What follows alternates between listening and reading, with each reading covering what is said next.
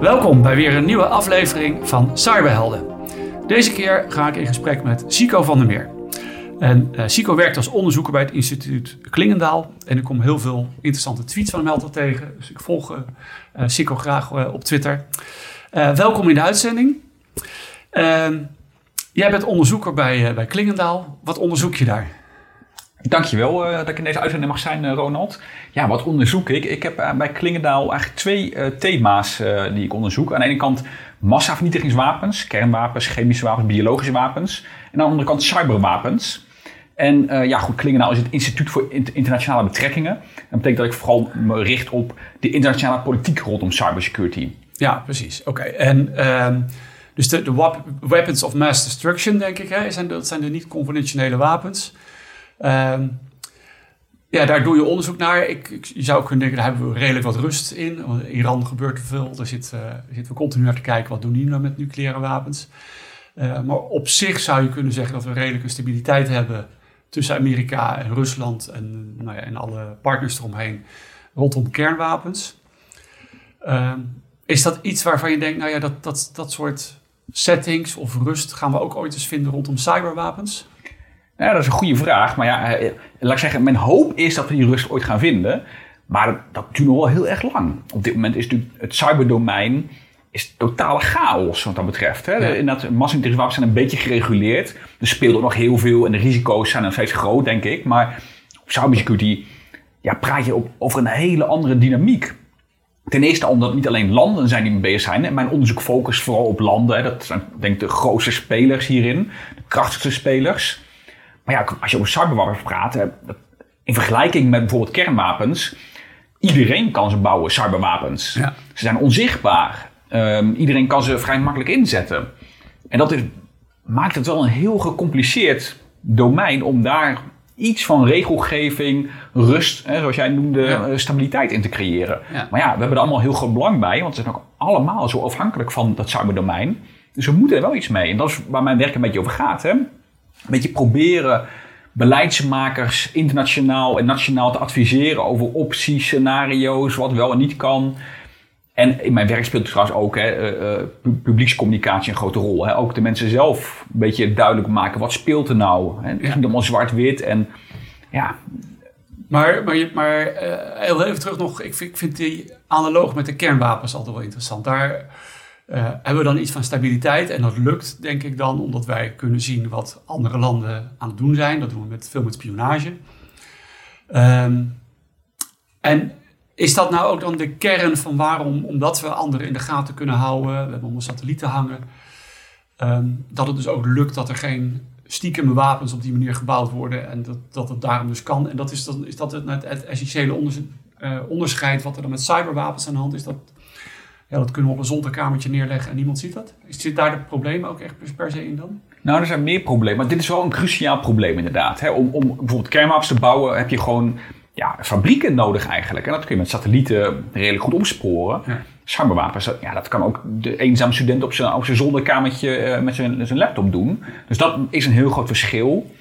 Maar ook, wat gewoon in mijn optiek een belangrijk verschil is, is dat landen op het gebied van chemische, nucleaire, biologische wapens met elkaar hebben afgesproken. Ja. Hé hey jongens, we hebben een gemeenschappelijk belang om dat niet te doen. Maar dat kunnen we dan toch ook met cyberwapens doen? Afspraken maken? Precies. Dat is precies ook waar een deel van mijn werk op zit. Hè, om inderdaad die gemeenschappelijke belangen die we allemaal hebben, ja, uit te venten eigenlijk. Maar goed, dan, dan blijft nog steeds wel die vraag. Um, kijk, we hebben zo'n zo organisatie als OPCW en de IAEA. En die letten allemaal op nucleair en op andere uh, chemische wapens. En um, ja, als het dus zo moeilijk is om te zien wat het, wat het vijandige land doet rondom dat type wapen, dan kunnen we wel een verdrag met elkaar afsluiten, maar uh, we kunnen het niet verifiëren. Dat is inderdaad een cruciaal probleem opnieuw. Cyberwapens zijn onzichtbaar. Dus het enige wat je zou kunnen doen, in plaats van vooraf verifiëren of landen die dit soort wapens produceren, is uiteindelijk, hè, als je tot gemeenschappelijke uh, uh, ja, regels bent gekomen, om landen te straffen die het toch doen. En dan ga je dus eigenlijk zeggen, het mag niet. We kunnen niet controleren of je stiekem die dingen wel bouwt. Maar we kunnen het wel hopelijk attribueren als iemand toch over de, de, de over de scheef gaat. En cyberwapens op een grote schaal inzet. En dan kun je dus maatregelen nemen. En, en hoe ver zijn we nu dan met die afspraken maken met elkaar? Ja, uh, dat is een vrij triest verhaal eerlijk gezegd. Dat is uh, bijna 0,0. Daar wordt in, in de Verenigde Naties al jarenlang over onderhandeld. En er zijn een paar belangrijke ja, uitgangspunten geformuleerd hè, door de Verenigde Naties, dus waar alle landen ter wereld aan meedoen. Onder andere dat het internationaal oorlogsrecht ook in het cyberdomein geldig is. Maar ja, hoe en wat, dat blijft er weer een beetje vaag. Ja. En ja, uiteindelijk, tot nu toe moet ik zeggen, is het vrij teleurstellend. Met name omdat een aantal landen die heel ver voorop lopen in cyberoorlogvoering en dergelijke, denken van ja, waarom zouden wij onze handen nu gaan binden? Dat doen we wel een keertje als andere landen ons hè, het, het, vuur aan de schenen komen leggen. Ja. Maar op dit moment zie je toch de grootmachten die denken ja, uh, vrijheid, blijheid. Ja, ja en ja, ik zit ondertussen ook na te denken, want we hebben het nu over cyberwapens. En dat, dat klinkt dan heel agressief, hè? zeker als je het in het rijtje zet met uh, de andere uh, massavernietigingswapens waar ik net over had. Ja, andere, ik weet niet, het is niet per se een massavernietigingswapen, denk ik, een cyberwapen. Maar, um, ja, we hebben het natuurlijk nu over cyber als, als wapen, dus waarbij je dingen stuk maakt, of mensen misschien zelfs uh, stuk maakt. Um, maar er wordt ontzettend veel gespioneerd. En uh, en dat is denk ik eigenlijk wat we nog veel meer zien dan toch dan dat er daadwerkelijk cyberwapens worden ingezet. Ja, we kennen al stuksnetten waarbij uh, nucleaire faciliteit wordt kapot gemaakt. Heel veel andere voorbeelden kennen niet. Maar heeft dat er ook nog wat mee te maken? Is dat we eigenlijk die normen niet willen omdat we het zo'n prettig spionagemiddel misschien vinden? Ja, dat ben ik helemaal met je eens. Überhaupt, de term cyberwapen is al lastig. Hè? Wat is een wapen? Wat is cyber precies? Maar inderdaad, uh, de, het grootste probleem van het cyberdomein nu is inderdaad de spionage. Nog los van de criminaliteit waar de gemiddelde burger veel last van heeft. Maar die spionage is denk ik inderdaad momenteel het, het, het grootste probleem voor landen ook. Met name economische spionage. Politiek-militaire spionage is al eeuwen oud natuurlijk. Hè. Dat doen we allemaal ja, min of meer goedkeuren naar elkaar. Het hoort bij het spel. Ja. Maar je ziet dat economische spionage echt een enorme vlucht heeft genomen de afgelopen jaren. Door de mogelijkheden in het cyberdomein. Ja. En ehm, ik wil straks nog even over dat, dat economische aspect ervan hebben. Ehm, de, jij doet onderzoek op dit thema en uh, jullie zijn ooit opgericht of je komt voort uit, een, uit de samenwerking van Defensie en Buitenlandse Zaken, als ik me eh, goed herinner. Ja, klopt. Dus dat zullen belangrijke opdrachtgevers zijn. Heb je nu ook veel opdrachten op dit thema om, voor, om hun te helpen? Op cybersecurity werk ik vooral voor het ministerie van Buitenlandse Zaken en Defensie. We klingen als inderdaad ooit in 1983 opgericht door beide ministeries. Dus we hebben nog steeds een nauwe band. Maar we zijn uh, helemaal losgekoppeld. Hè. We zijn geprivatiseerd een aantal jaar geleden. Dus we krijgen ook geen subsidie meer en dergelijke. Ja. Ik werk inderdaad vooral voor die twee ministeries op cybersecurity. Soms ook een klein beetje voor uh, eh, NCTV bijvoorbeeld en economische zaken ook was het op gedaan. Maar daarbuiten zie je dat er heel weinig interesse is in deze specifieke niche. Hè, die internationale dimensie van cybersecurity op politiek niveau. Zo grappig dat toen ik begon in dit wereldje, hè, in cybersecurity, ging een rondje langs de velden. En dan werden bij heel veel organisaties het gezegd, nou ja, super interessant wat je, wat je wil gaan doen bij Klingendaal, deze invalshoek. Ja. Dus vertel ons vooral wat je doet, maar verwacht van ons geen opdrachten. Want heel veel bedrijven, ook en organisaties die zeggen, zolang wij de hackers maar kunnen buitenhouden, zijn we blij. Of het Noord-Koreanen of Amerikanen zijn en wat hun motivaties zijn, maakt, maakt ons niks uit. nee. En dat is waar mijn onderzoek juist over gaat. Hè. Waarom doen landen dit en hoe en, en, en wat kan ze tegenhouden? Ja, de meeste organisaties vinden dat helemaal niet zo interessant. En dat snap ik ook. Hè. Dat, het is ook echt een hele kleine niche waar ik op zit. Ja, nou ja, voor die organisatie zelf, die zijn netwerken wil verdedigen, die heeft er gewoon last van. Die, ja, ze moeten eruit en het netwerk moet dicht, dan moet die nog een keer kunnen. Maar ik kan me wel voorstellen dat nou, jouw, jouw typische opdrachtgevers, die willen inderdaad wel die afspraken kunnen maken met andere landen. En hebben daar toch een vorm voor nodig hoe we dat wel goed met elkaar kunnen doen. Ja, en van mijn invalshoek moet je weten wie de ander is en waarom die doet wat hij doet, om ze te kunnen bestrijden. En dus je, je moet weten welke, welke kosten-baatanalyse je kunt veranderen om werkelijk ja, iets te kunnen doen. Ja, nee. En um, een heel belangrijk element wat je, wat je moet weten als er een aanval plaatsvindt, of het nou spionageaanval is of uh, een, nou, een, aanval die zich mogelijk in het fysieke domein uh, richt, is dat je weet wie het zit te doen. Ja. Denk jij dat we daar voldoende zicht op hebben? Nou, ook dat is natuurlijk super lastig in het digitale domein. Hè? Wie zit er precies achter? Attributie is lastig, wordt natuurlijk vanwege technologische ontwikkelingen steeds minder lastig. Maar je ziet nog steeds hè, false flag operations. Hè? Maar, maar Dat- kan, kan je dat uitleggen, hoe, hoe dat dat vanwege technologische ontwikkelingen minder lastig wordt? Nou, een aantal jaar geleden, eh, ik moet meteen als disclaimer erbij zeggen, ik ben geen techneut, hè, dus eh, ik, ik moet het van open bronnen hebben. Ik heb het idee dat het een aantal jaar geleden echt bijna onmogelijk was om met 99% betrouwbaarheid te zeggen, eh, zij zitten erachter. Maar de forensische opsporingstechnologieën worden toch steeds beter. Zeker gecombineerd met conventionele opsporingsdiensten. hè, De, de, de gewone spionage in persoon, zeg maar, Ja. contraspionage. Het wordt makkelijker volgens mij om echt bewijs te overleggen wie erachter zit. En die ontwikkeling gaat hopelijk door, waardoor het beter wordt. Maar ja, het blijft hè, eh, eh, gissen. Je kunt natuurlijk de computer van iemand hacken en die computer hackt jou weer. En dan je eigen spoor uitwissen. Waardoor het moeilijker wordt om uiteindelijk die data te vinden. Ja. En Nou ja, ja. En, en, en wat ik me ook wel kan voorstellen is, soms heb je misschien wel de richting van het land waar het vandaan komt. Denk je, dit komt uit eh, Rusland. Maar ja, zitten daar nou eh, militairen achter die knoppen of zit daar een of ander hackgroepje achter de knoppen? Precies, dat is een heel goed punt. Dat is ook een nieuw, nieuwe mode bijna. Hè? Dat heel veel landen dit soort eh, grootschalige hacks uitbesteden aan ja, niet-overheidsgroeperingen. Ja. En dat je gewoon ziet dat Waarom denk je eigenlijk dat ze dat doen? ja, makkelijk ontkennen. Dat is natuurlijk überhaupt het mooie van cyberwapens, als ik die term weer mag gebruiken. Het, het is ja, vrij risicoloos om ze in te zetten. Het is relatief goedkoop. Je hoeft geen kern, kernwapen, eh, kernraket te bouwen, maar je hebt gewoon een paar slimme jongens en meisjes met een laptop nodig. Vervolgens kun je alles ontkennen. Hè, want attributie is lastig. Je kunt gewoon zeggen, ja, ik was het niet. En als er toch een bewijs op tafel komt, kun je zeggen, ja, maar hè, die mensen ken ik niet, die horen niet bij de overheid. Ja. En als je dus ook nog hè, openlijk eh, niet-overheidsgroeperingen gaat opdracht geven om aanval uit te voeren, dan kun je letterlijk zeggen: ja, zie je dat? Het is gewoon een criminele bende die vanuit dat, dat kantoortje opereert. Geen enkele band mee, dus je kunt mij er niet op aanpakken. Nee. En, en, maar zou je het dan ook logisch vinden dat eh, als wij last zouden hebben van zo'n groep, en dat komt er richting ons, eh, of het nou wel of niet militairen zijn die erachter zitten, daar, daar kijken we dan maar niet naar. Maar dat we dat zelf bijvoorbeeld ook weer helemaal kapot hacken, die kant op en zorgen dat de infrastructuur kapot gaat, is dat dan, ja, op wat voor, wat voor moment is dat nou proportioneel om dat te kunnen gaan doen? Ja, hier kom je op een, op een terrein waar ik een uur over door kan praten, Ronald. Eh, je hebt natuurlijk verschillende opties die je hebt liggen. Kijk, ik, ik vind in principe dat al terughacken en schade toebrengen op korte termijn misschien de beste weg is, maar op lange termijn veroorzaakt het alleen maar escalatie. Hè, dat, dat is een beetje het punt. Met, in mijn onderzoek zie je lange en, en, en korte termijn effecten.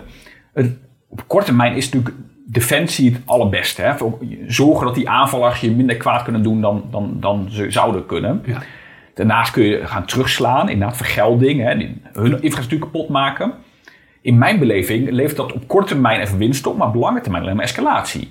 Want de tegenpartij gaat gewoon zijn, zijn middelen beter maken, nog grover te werk. Ja, maar, maar niks doen. Kijk, als jij wordt aangevallen en je leidt nu schade, dan wil je toch dat het stopt. En de makkelijkste manier om dat te stoppen is te zorgen dat het stuk is waar het vandaan komt. Nee, dat klopt. Dus op korte termijn klinkt dat als, als, als, als beste manier.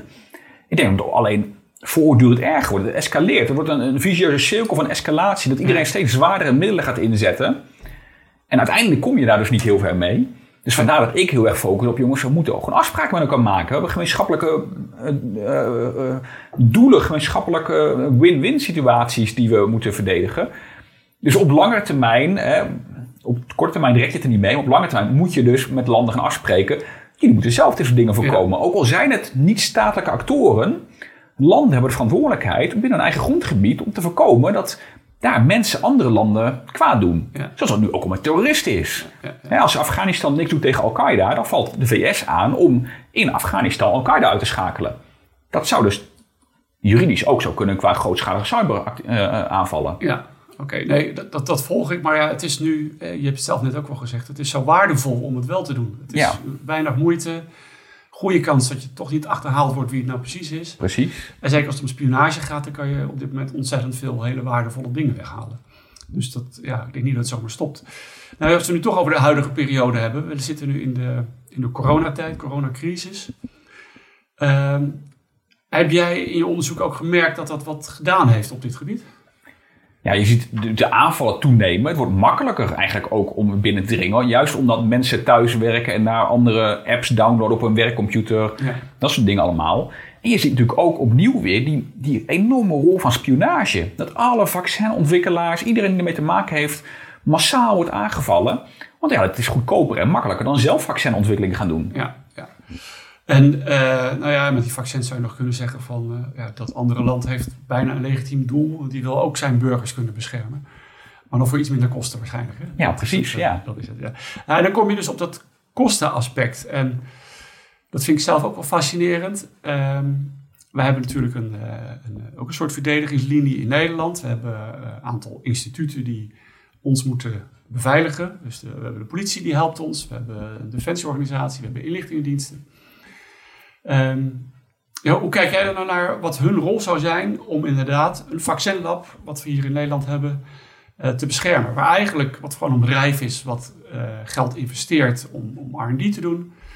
Uh, ja, en die hoopt er geld van te maken door licenties te verkopen, dat anderen dat mogen te produceren. Maar moeten Nederlandse autoriteiten daar een rol in hebben, anders dan dat het om een computervredebreuk gaat? Je legt hier een dilemma bloot waar heel veel landen mee worstelen. Wat is de rol van de overheid in cybersecurity en tot waar loopt die? En veel landen zoals Nederland zeggen, vitale infrastructuur, daar heeft de overheid wel een rol bij. De energienetwerken en dergelijke. Maar individuele bedrijven, ja, die moeten hun eigen cybersecurity voor elkaar hebben. Ja, kunnen ze dat? Nou, dat is, dat is het punt. Heel veel bedrijven kunnen dat niet. Of hebben daar geen geld voor, hebben er geen verstand van. Je kunt inhuren op de markt. Je, je zou als overheid kunnen zeggen, ja, maar bij bepaalde bedrijven hebben we wel ook een maatschappelijk belang. Bijvoorbeeld, hè, wat je zegt, een laboratorium dat bezig is met de bestrijding van corona of iets dergelijks. Of eh, een, een, misschien wel een bedrijf dat een enorme werkgelegenheid voor het land uh, heeft. Ja. Maar waar trek je de grens? Ja, want dan valt uiteindelijk een bedrijf dat net iets kleiner is of uh, net iets anders doet buiten de boot. En die gaan dan zeggen, ja, maar als zij hulp van de overheid krijgen, dan mogen wij toch ook. Ja. En op een gegeven moment krijg je dan een, een communistisch systeem waarbij hè, de private cybersecurity sector helemaal uit de, uit de markt gegooid wordt, omdat de overheid allemaal oppakt. En kan de overheid dat überhaupt? Nou, zie je dat andere landen dat wel doen? Dat die hun inlichtingendiensten bijvoorbeeld meer inzetten om de bedrijven te helpen? Met name in meer autoritaire landen, zeker een land als China bijvoorbeeld, waar natuurlijk alle grote bedrijven überhaupt aan de staat gelieerd ja. zijn, daar is dat ja, één pot nat eigenlijk. Maar de meer liberale landen, zoals de VS en dergelijke, daar is het ook allemaal toch veel meer marktwerking die erin zit. Alleen moet je wel eerlijk toegeven dat heel veel cybersecurity bedrijven, ook in de VS, ook alweer nauwe banden met de inlichtingendiensten hebben. Maar in, in, laat ik zeggen, in de niet-autoritaire landen blijft dit overal een dilemma. Hoe ver moet de overheid gaan in het beschermen van de burgers en de bedrijven? En de maar, maar doen we het nu op dit moment goed genoeg, denk je? Nou, nee, ja, nee. Um, ik doe, we doen wat we kunnen, maar het loopt niet lekker. Nee, maar is dit, is dit iets waar, uh, waar nu een wetgeving voor nodig is om ook het mandaat te geven aan bijvoorbeeld de inlichtingendiensten? Of is dit iets wat ze, waar het mandaat er al is, maar dat ze andere prioriteiten hebben? Ja, zo simpel is het denk ik niet. Je moet eerst met elkaar de discussie aangaan. Wat vind je dat de staat mag en moet doen? Ja. En wat inlichtingendiensten mogen en moeten doen? En die hele basisdiscussie is er al niet. En die wordt natuurlijk in hele besloten kringen wel gevoerd. Ik vind dat die discussie breder getrokken mag worden. Mm -hmm. Maar ja, waarom het ene bedrijf wel beschermen, het andere niet? Dat blijft een lastige discussie. Moet de overheid bij ieder huis een, een politieagent voor de deur zetten tegen inbrekers of niet? Nou ja, ik denk dat je eerder juist, zelfs als je, als je nu al zegt... de IVD kijkt een beetje mee om te zorgen dat er geen hackers binnenkomen... bij uh, een of ander groot bedrijf wat veel aan de R&D doet... Uh, dat je dan ook de medewerkers op de stoep hebt staan die zeggen: Ja, hallo, ik wil helemaal niet dat ze meekijken hier op die lijntjes. Hè. Dus dat wij hebben vaak, denk ik, eerder nog een neiging te zeggen: Ja, wat doet dat voor mijn privacy? Dan dat ze Ja. het zien als een uh, helpende hand. Dat ook, hè? Nog los van wie help je wel en wie help je niet. Inderdaad, privacy speelt ook een grote rol. En, en dat maakt het debat ook, ook een debat vol, vol mijnen, vol landmijnen eigenlijk. Hè? Want voortdurend als je een kant op kijkt, zijn er weer bezwaren. En dat, dat is ook waarom het zo lang duurt tot we dit soort dingen uitgekristalliseerd hebben. Ja. Maar intussen wordt natuurlijk ons land leeggeroofd. Hè? Zeker een land als Nederland met een inno- innovatie-economie. Ja.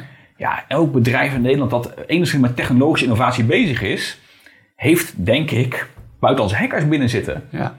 Ja, weet je wat nou zo gek is? Want ik, ik zit natuurlijk zelf ook in. eh, werk ik veel met bedrijven en die gaan we proberen te helpen om spionnen, spionnen buiten de deur te houden. Ehm, ik merk wel eens dat het ze eigenlijk dat ze denken, ja, eh, dat zal allemaal wel. eh, er zit een soort naïviteit soms omheen van. Dan stelen ze al die documenten, maar ze hebben toch niet de ingenieurs erbij om het, eh, om het te maken. Ehm, dan denk ik van mijn kant, ja, maar als die Chinezen twee jaar lang geprobeerd hebben met 30 man hier binnen te komen, het zal voor hun wel wat waarde hebben, dus dat moet het jou toch wat kosten. Hoe kijk jij daarnaar? Snap jij die redenatie? Ja, ik snap de redenatie bij veel bedrijven die zeggen: ja, we, we kunnen het toch niet tegenhouden. Dus we, hebben daar andere wegen voor. Ik spreek ook met bedrijven die zeggen: Nou, we innoveren gewoon zo hard dat de hackers altijd de oude innovatie hebben. Maar wij lopen altijd weer een, een trede voor. Ja. Of bedrijven die zeggen: Ja, we maken bewust in, in, in, in onze bouwtekeningen fouten die wij weten. Maar als de Chinezen het nabouwen, en dan stort het vliegtuig neer, waar zal spreken. Ja, dus er wordt wel over nagedacht. Um, maar ja, het is niet topprioriteit. Hè. Bedrijven hebben de prioriteit om innovatie te doen. Ja. En dan heb je natuurlijk ook nog weer de discussie dat veel mensen, niet alleen bij bedrijven, maar ook uh, in, in politiek en dergelijke zeggen: ja, is het nou zo belangrijk allemaal? Goed, er lekt wat weg. Maar goed, dan moeten die bedrijven maar betere uh, uh, cybersecurity middelen kopen. Ja. En dan denk ik weer van ja, puur als je per bedrijf kijkt, is dat misschien, misschien zo. Maar als je al die bedrijven bij elkaar optelt, dan heeft het enorm maatschappelijke impact voor Nederland. op een gegeven moment, als alle bedrijven hier voortdurend worden leeggestolen, zijn ze minder concurrentie uh, winstgevend, zeg maar. Kunnen ze instorten. Krijg je de economie in Nederland die naar beneden gaat. De belastinginkomsten gaan naar beneden. Dan moet de overheid bezuinigen op alles. Hè, infrastructuur, uitkeringen. Je hele economie klapt in. En daarmee ook je, ja, je maatschappij bijna. Ja, dus je krijgt een hele grote gevolgen. En voor de lange termijn lijkt het heel logisch dat je zegt... Ja, we, zitten hier in Nederland. We hebben de beste kabels naar Nederland toe lopen... waar het internet over langs gaat. We hebben uh, enorm goede en grote datacenters. Dus een groot stuk van internet draait al hier. Jij denkt dus dat meer betrokkenheid van inlichtingendiensten om dat ook veilig te houden, zou positieve invloed kunnen zijn op ons vestigingsklimaat. Ja, niet alleen op ons vestigingsklimaat, maar veel breder. Denk ik op, op überhaupt uh, veiligheid en welvaart en dergelijke. Maar ja, dat klinkt makkelijk aan het is. Je moet natuurlijk ook wel weer ja, bepaalde kaders hebben voor die inlichtingendiensten om ook weer niet te ver te gaan. We willen ook niet uh, Chinees-achtige inlichtingendiensten die van, van iedereen alles weten en overal meekijken. En misschien ook alweer ingrijpen op, op momenten dat je denkt, ja, maar waarom grijp je nu in? Wat doe je hier of zo? Dus het is wel een lastige balans ah, tussen privacy en, en, en, en actie.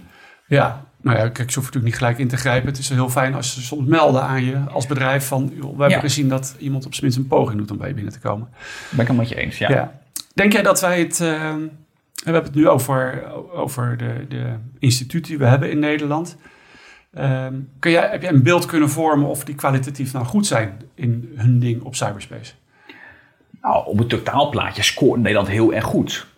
Ja, ook in, in uh, statistieken die, die andere denktanks en universiteiten maken. En dergelijke zit Nederland altijd wel in de, in, de, in de top 10 van landen die op cybersecurity goed bezig zijn.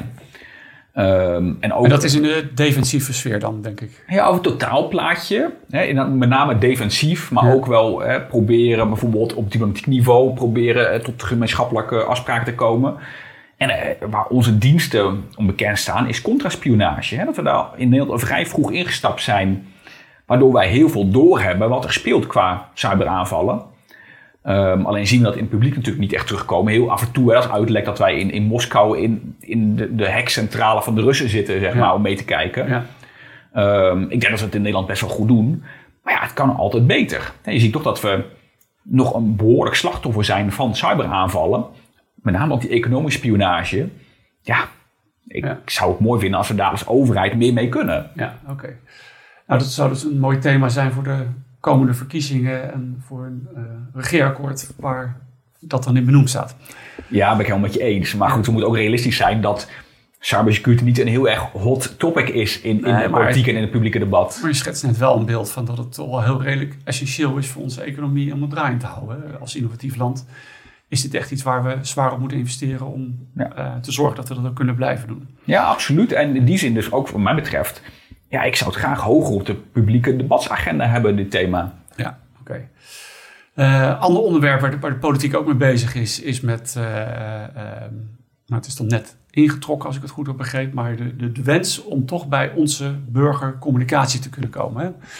Uh, het laatste verhaal van dat Grapperhaus zou toch graag willen dat ja, WhatsApp iets van een achterdeurtje heeft, zodat als de politie dat wil, dat ze mee kunnen kijken. Hoe kijk jij daarnaar? Ja, ik ben daar tegenstander van. Ik denk dat zodra je achterdeurtjes gaat inbouwen, Uh, ten eerste, de mensen die kwaad willen, gaan we zoeken wel een andere manier om met te communiceren. Maar het belangrijkste nog is, een achterdeurtje kan niet alleen door jou geopend worden, maar anderen kunnen dat ook openen. En dan ja, geef je eigenlijk ruimte aan, aan, heel veel anderen. En natuurlijk wordt er dan gezegd, ik zie je ook, dat ziet de luisteraar ik zie je ook een beetje nee knikken hier. Mijn angst bij dit soort dingen is altijd dat um, je dingen ja, een doos van Pandora opent die uh, veel nadelen oplevert. En een voorbeeld is bijvoorbeeld dat landen die offensieve cyberwapens op de plank hebben liggen, zero days en dergelijke, bijvoorbeeld gezien dat die volgens zich gestolen zijn. Ja. dat de NSA, de, de National Security Agency of de, of de, van de Verenigde Staten, die hebben zero days op de plank liggen. Maar hackers dringen hun computers binnen en gaan er vandoor met die zero days. Van een prutsers, hè? Ja, maar, dat, ja, maar dat, zo werkt het nou eenmaal in het cyberdomein. En dat kan dus ook met die achterdeurtjes van je gebeuren. Je denkt, ah, wij als inlichtingendiensten kijken mee, maar andere inlichtingendiensten kijken ook met je mee. Ja, ja, ja, ik zit nu te twijfelen of ik nou één pad zou moeten bewandelen van hoe je dat zou kunnen doen. Hè. Dus nou, laat ik het me voorstellen. Want ik denk dat er ook nog andere redenen zijn waar ik het niet moet doen. Want je zou ook een achterdeurtje kunnen zien van uh, als wij een WhatsApp-gesprek met elkaar opzetten, dan wordt het end-to-end versleuteld. Dus er is één sleutel voor dat gesprek. En alleen wij weten die. Maar je zou ook kunnen zeggen, we maken dat gesprek met drie personen. De derde is dan de politie, die ook mee kan luisteren. En dat doen we met elk gesprek. En alleen als de politie uh, de handtekening krijgt van uh, een rechtercommissaris, mogen ze die sleutel uit de kluis pakken. Die ene sleutel die dan aangemaakt is, om naar dat bericht te luisteren. Ehm, dan, dan hebben we zeg maar niet de nadelen van dat dat kan lekken, dat er één achterdeur is waarmee je bij iedereen binnen kan komen. Uh, zou dat niet gewoon een oplossing kunnen zijn? Het zou een oplossing kunnen zijn, maar uh, het is wel ingewikkeld, vind ik hoor. Van, uh, qua privacygevoeligheid kan de politie dan bij iedereen zomaar die sleutel opvragen. Je hebt gelijk dat via de recht is daar een bepaalde toets op. Maar ik denk dat de mensen die echt kwaad willen, die denken, nou, nou ik ga wel een ander medium gebruiken, want hier loop ik altijd de kans dat die sleutel wordt vrijgegeven. Ja.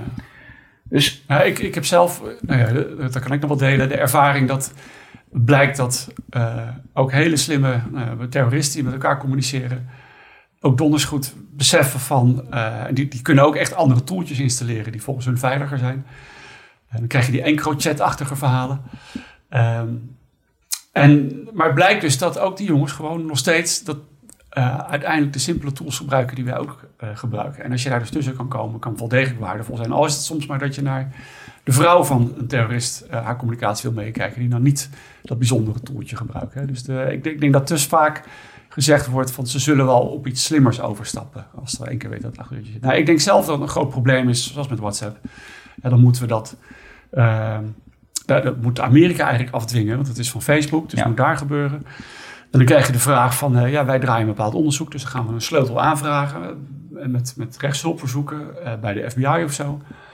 Ja, en die geven ze aan ons. En dan gaat Turkije dat ook een keer vragen. En die zeggen, ja, maar dat is ook heel belangrijk onderzoek. En voor mij ga je daar helemaal in vastlopen. Maar uiteindelijk, ik snap wel de wens, want het is natuurlijk geen, privacy is geen absoluut recht. De, de wetgever, we hebben met EVRM ook afgesproken dat er een optie moet zijn. Dat je soms wel bij communicatie kan komen. En of, uh, of dat de politie een zoeking kan doen. En uh, nou is het alleen zo vervelend met techniek. Daar hebben we, uh, we iets weten te maken waar de politie niet met een dikke, hoe heet het, zo'n boom door de deur heen kan komen. En uiteindelijk toch altijd bij de informatie kan komen. Dus ja, het zal een discussie zijn die nog wel even door blijft gaan. Ja. En, en het is goed dat we die discussie hebben ook. Hè? Eigenlijk moet die discussie nog meer gevoerd worden, wat mij betreft. Ja, nou ja, oké. Okay. Ja, ik denk het wel. Ik, ik denk zelf eigenlijk uh, dat de mensen die er nu iets van moeten vinden, dat die niet altijd helemaal precies de materie begrijpen. Uh, nou, moeten we even voorzichtig zijn natuurlijk, maar ik kijk ook wel eens naar Kamerleden en hoe die debatten voeren. Heb jij daar een, eh, een, een beeld van kunnen vormen? Ja, het is absoluut zo dat het een heel ingewikkeld thema is, waar heel weinig mensen veel van begrijpen. Ik snap ook heel veel niet. Het is gewoon super ingewikkeld. En ik denk dat daar ook een taak ligt voor mensen nou, als, als, als jij en ik, om uh, onze kennis te verspreiden. Ik denk dat mhm. publiekscommunicatie, en niet alleen naar het grote publiek, maar ook naar, naar mensen die aan de knoppen zitten, enorm belangrijk is. Want het is allemaal zo ingewikkeld en er hangen zoveel dilemma's aan vast. Maar is het niet heel logisch dat, dat jullie een keer een opdracht zouden krijgen van gaat nou eens uh, uitzoeken wat dat nou precies betekent rondom Zero Days? Nou ja, ik krijg graag opdrachten natuurlijk, want ik moet ook mijn, mijn boterham verdienen. Uh, ik weet niet of ik, of ik, hier de juiste voor ben bij Klingendaal. Er zijn natuurlijk ook veel meer instituten die met deze dingen bezig zijn. Ja. Um, maar ja, uh, uh, ik denk dat het belangrijk is inderdaad om, om ja, maatschappelijke organisaties aan denktanks aan Klingendaal, universiteiten, andere organisaties, erbij te betrekken bij het debat. Ja. En inderdaad, ja, scenario's te schetsen, eh, dilemma's op te werpen. Van eh, welke kanten kun je op, hè, opties identificeren en daarover in discussie gaan met een breed maatschappelijk debat. Nu, de discussie vindt nu op plaats in een hele kleine kring, vind ik. Ja. En wat je ook zegt, ja, niet iedereen in die kring is altijd even geïnformeerd. Of laat ik anders zeggen, niet altijd even geïnformeerd over het bredere palet. Soms Ja. zijn mensen heel erg gespecialiseerd in één eh, stukje van de discussie. Maar ja, je moet af en toe ook wat breder kijken om argumenten van anderen ook op waarde te kunnen schatten.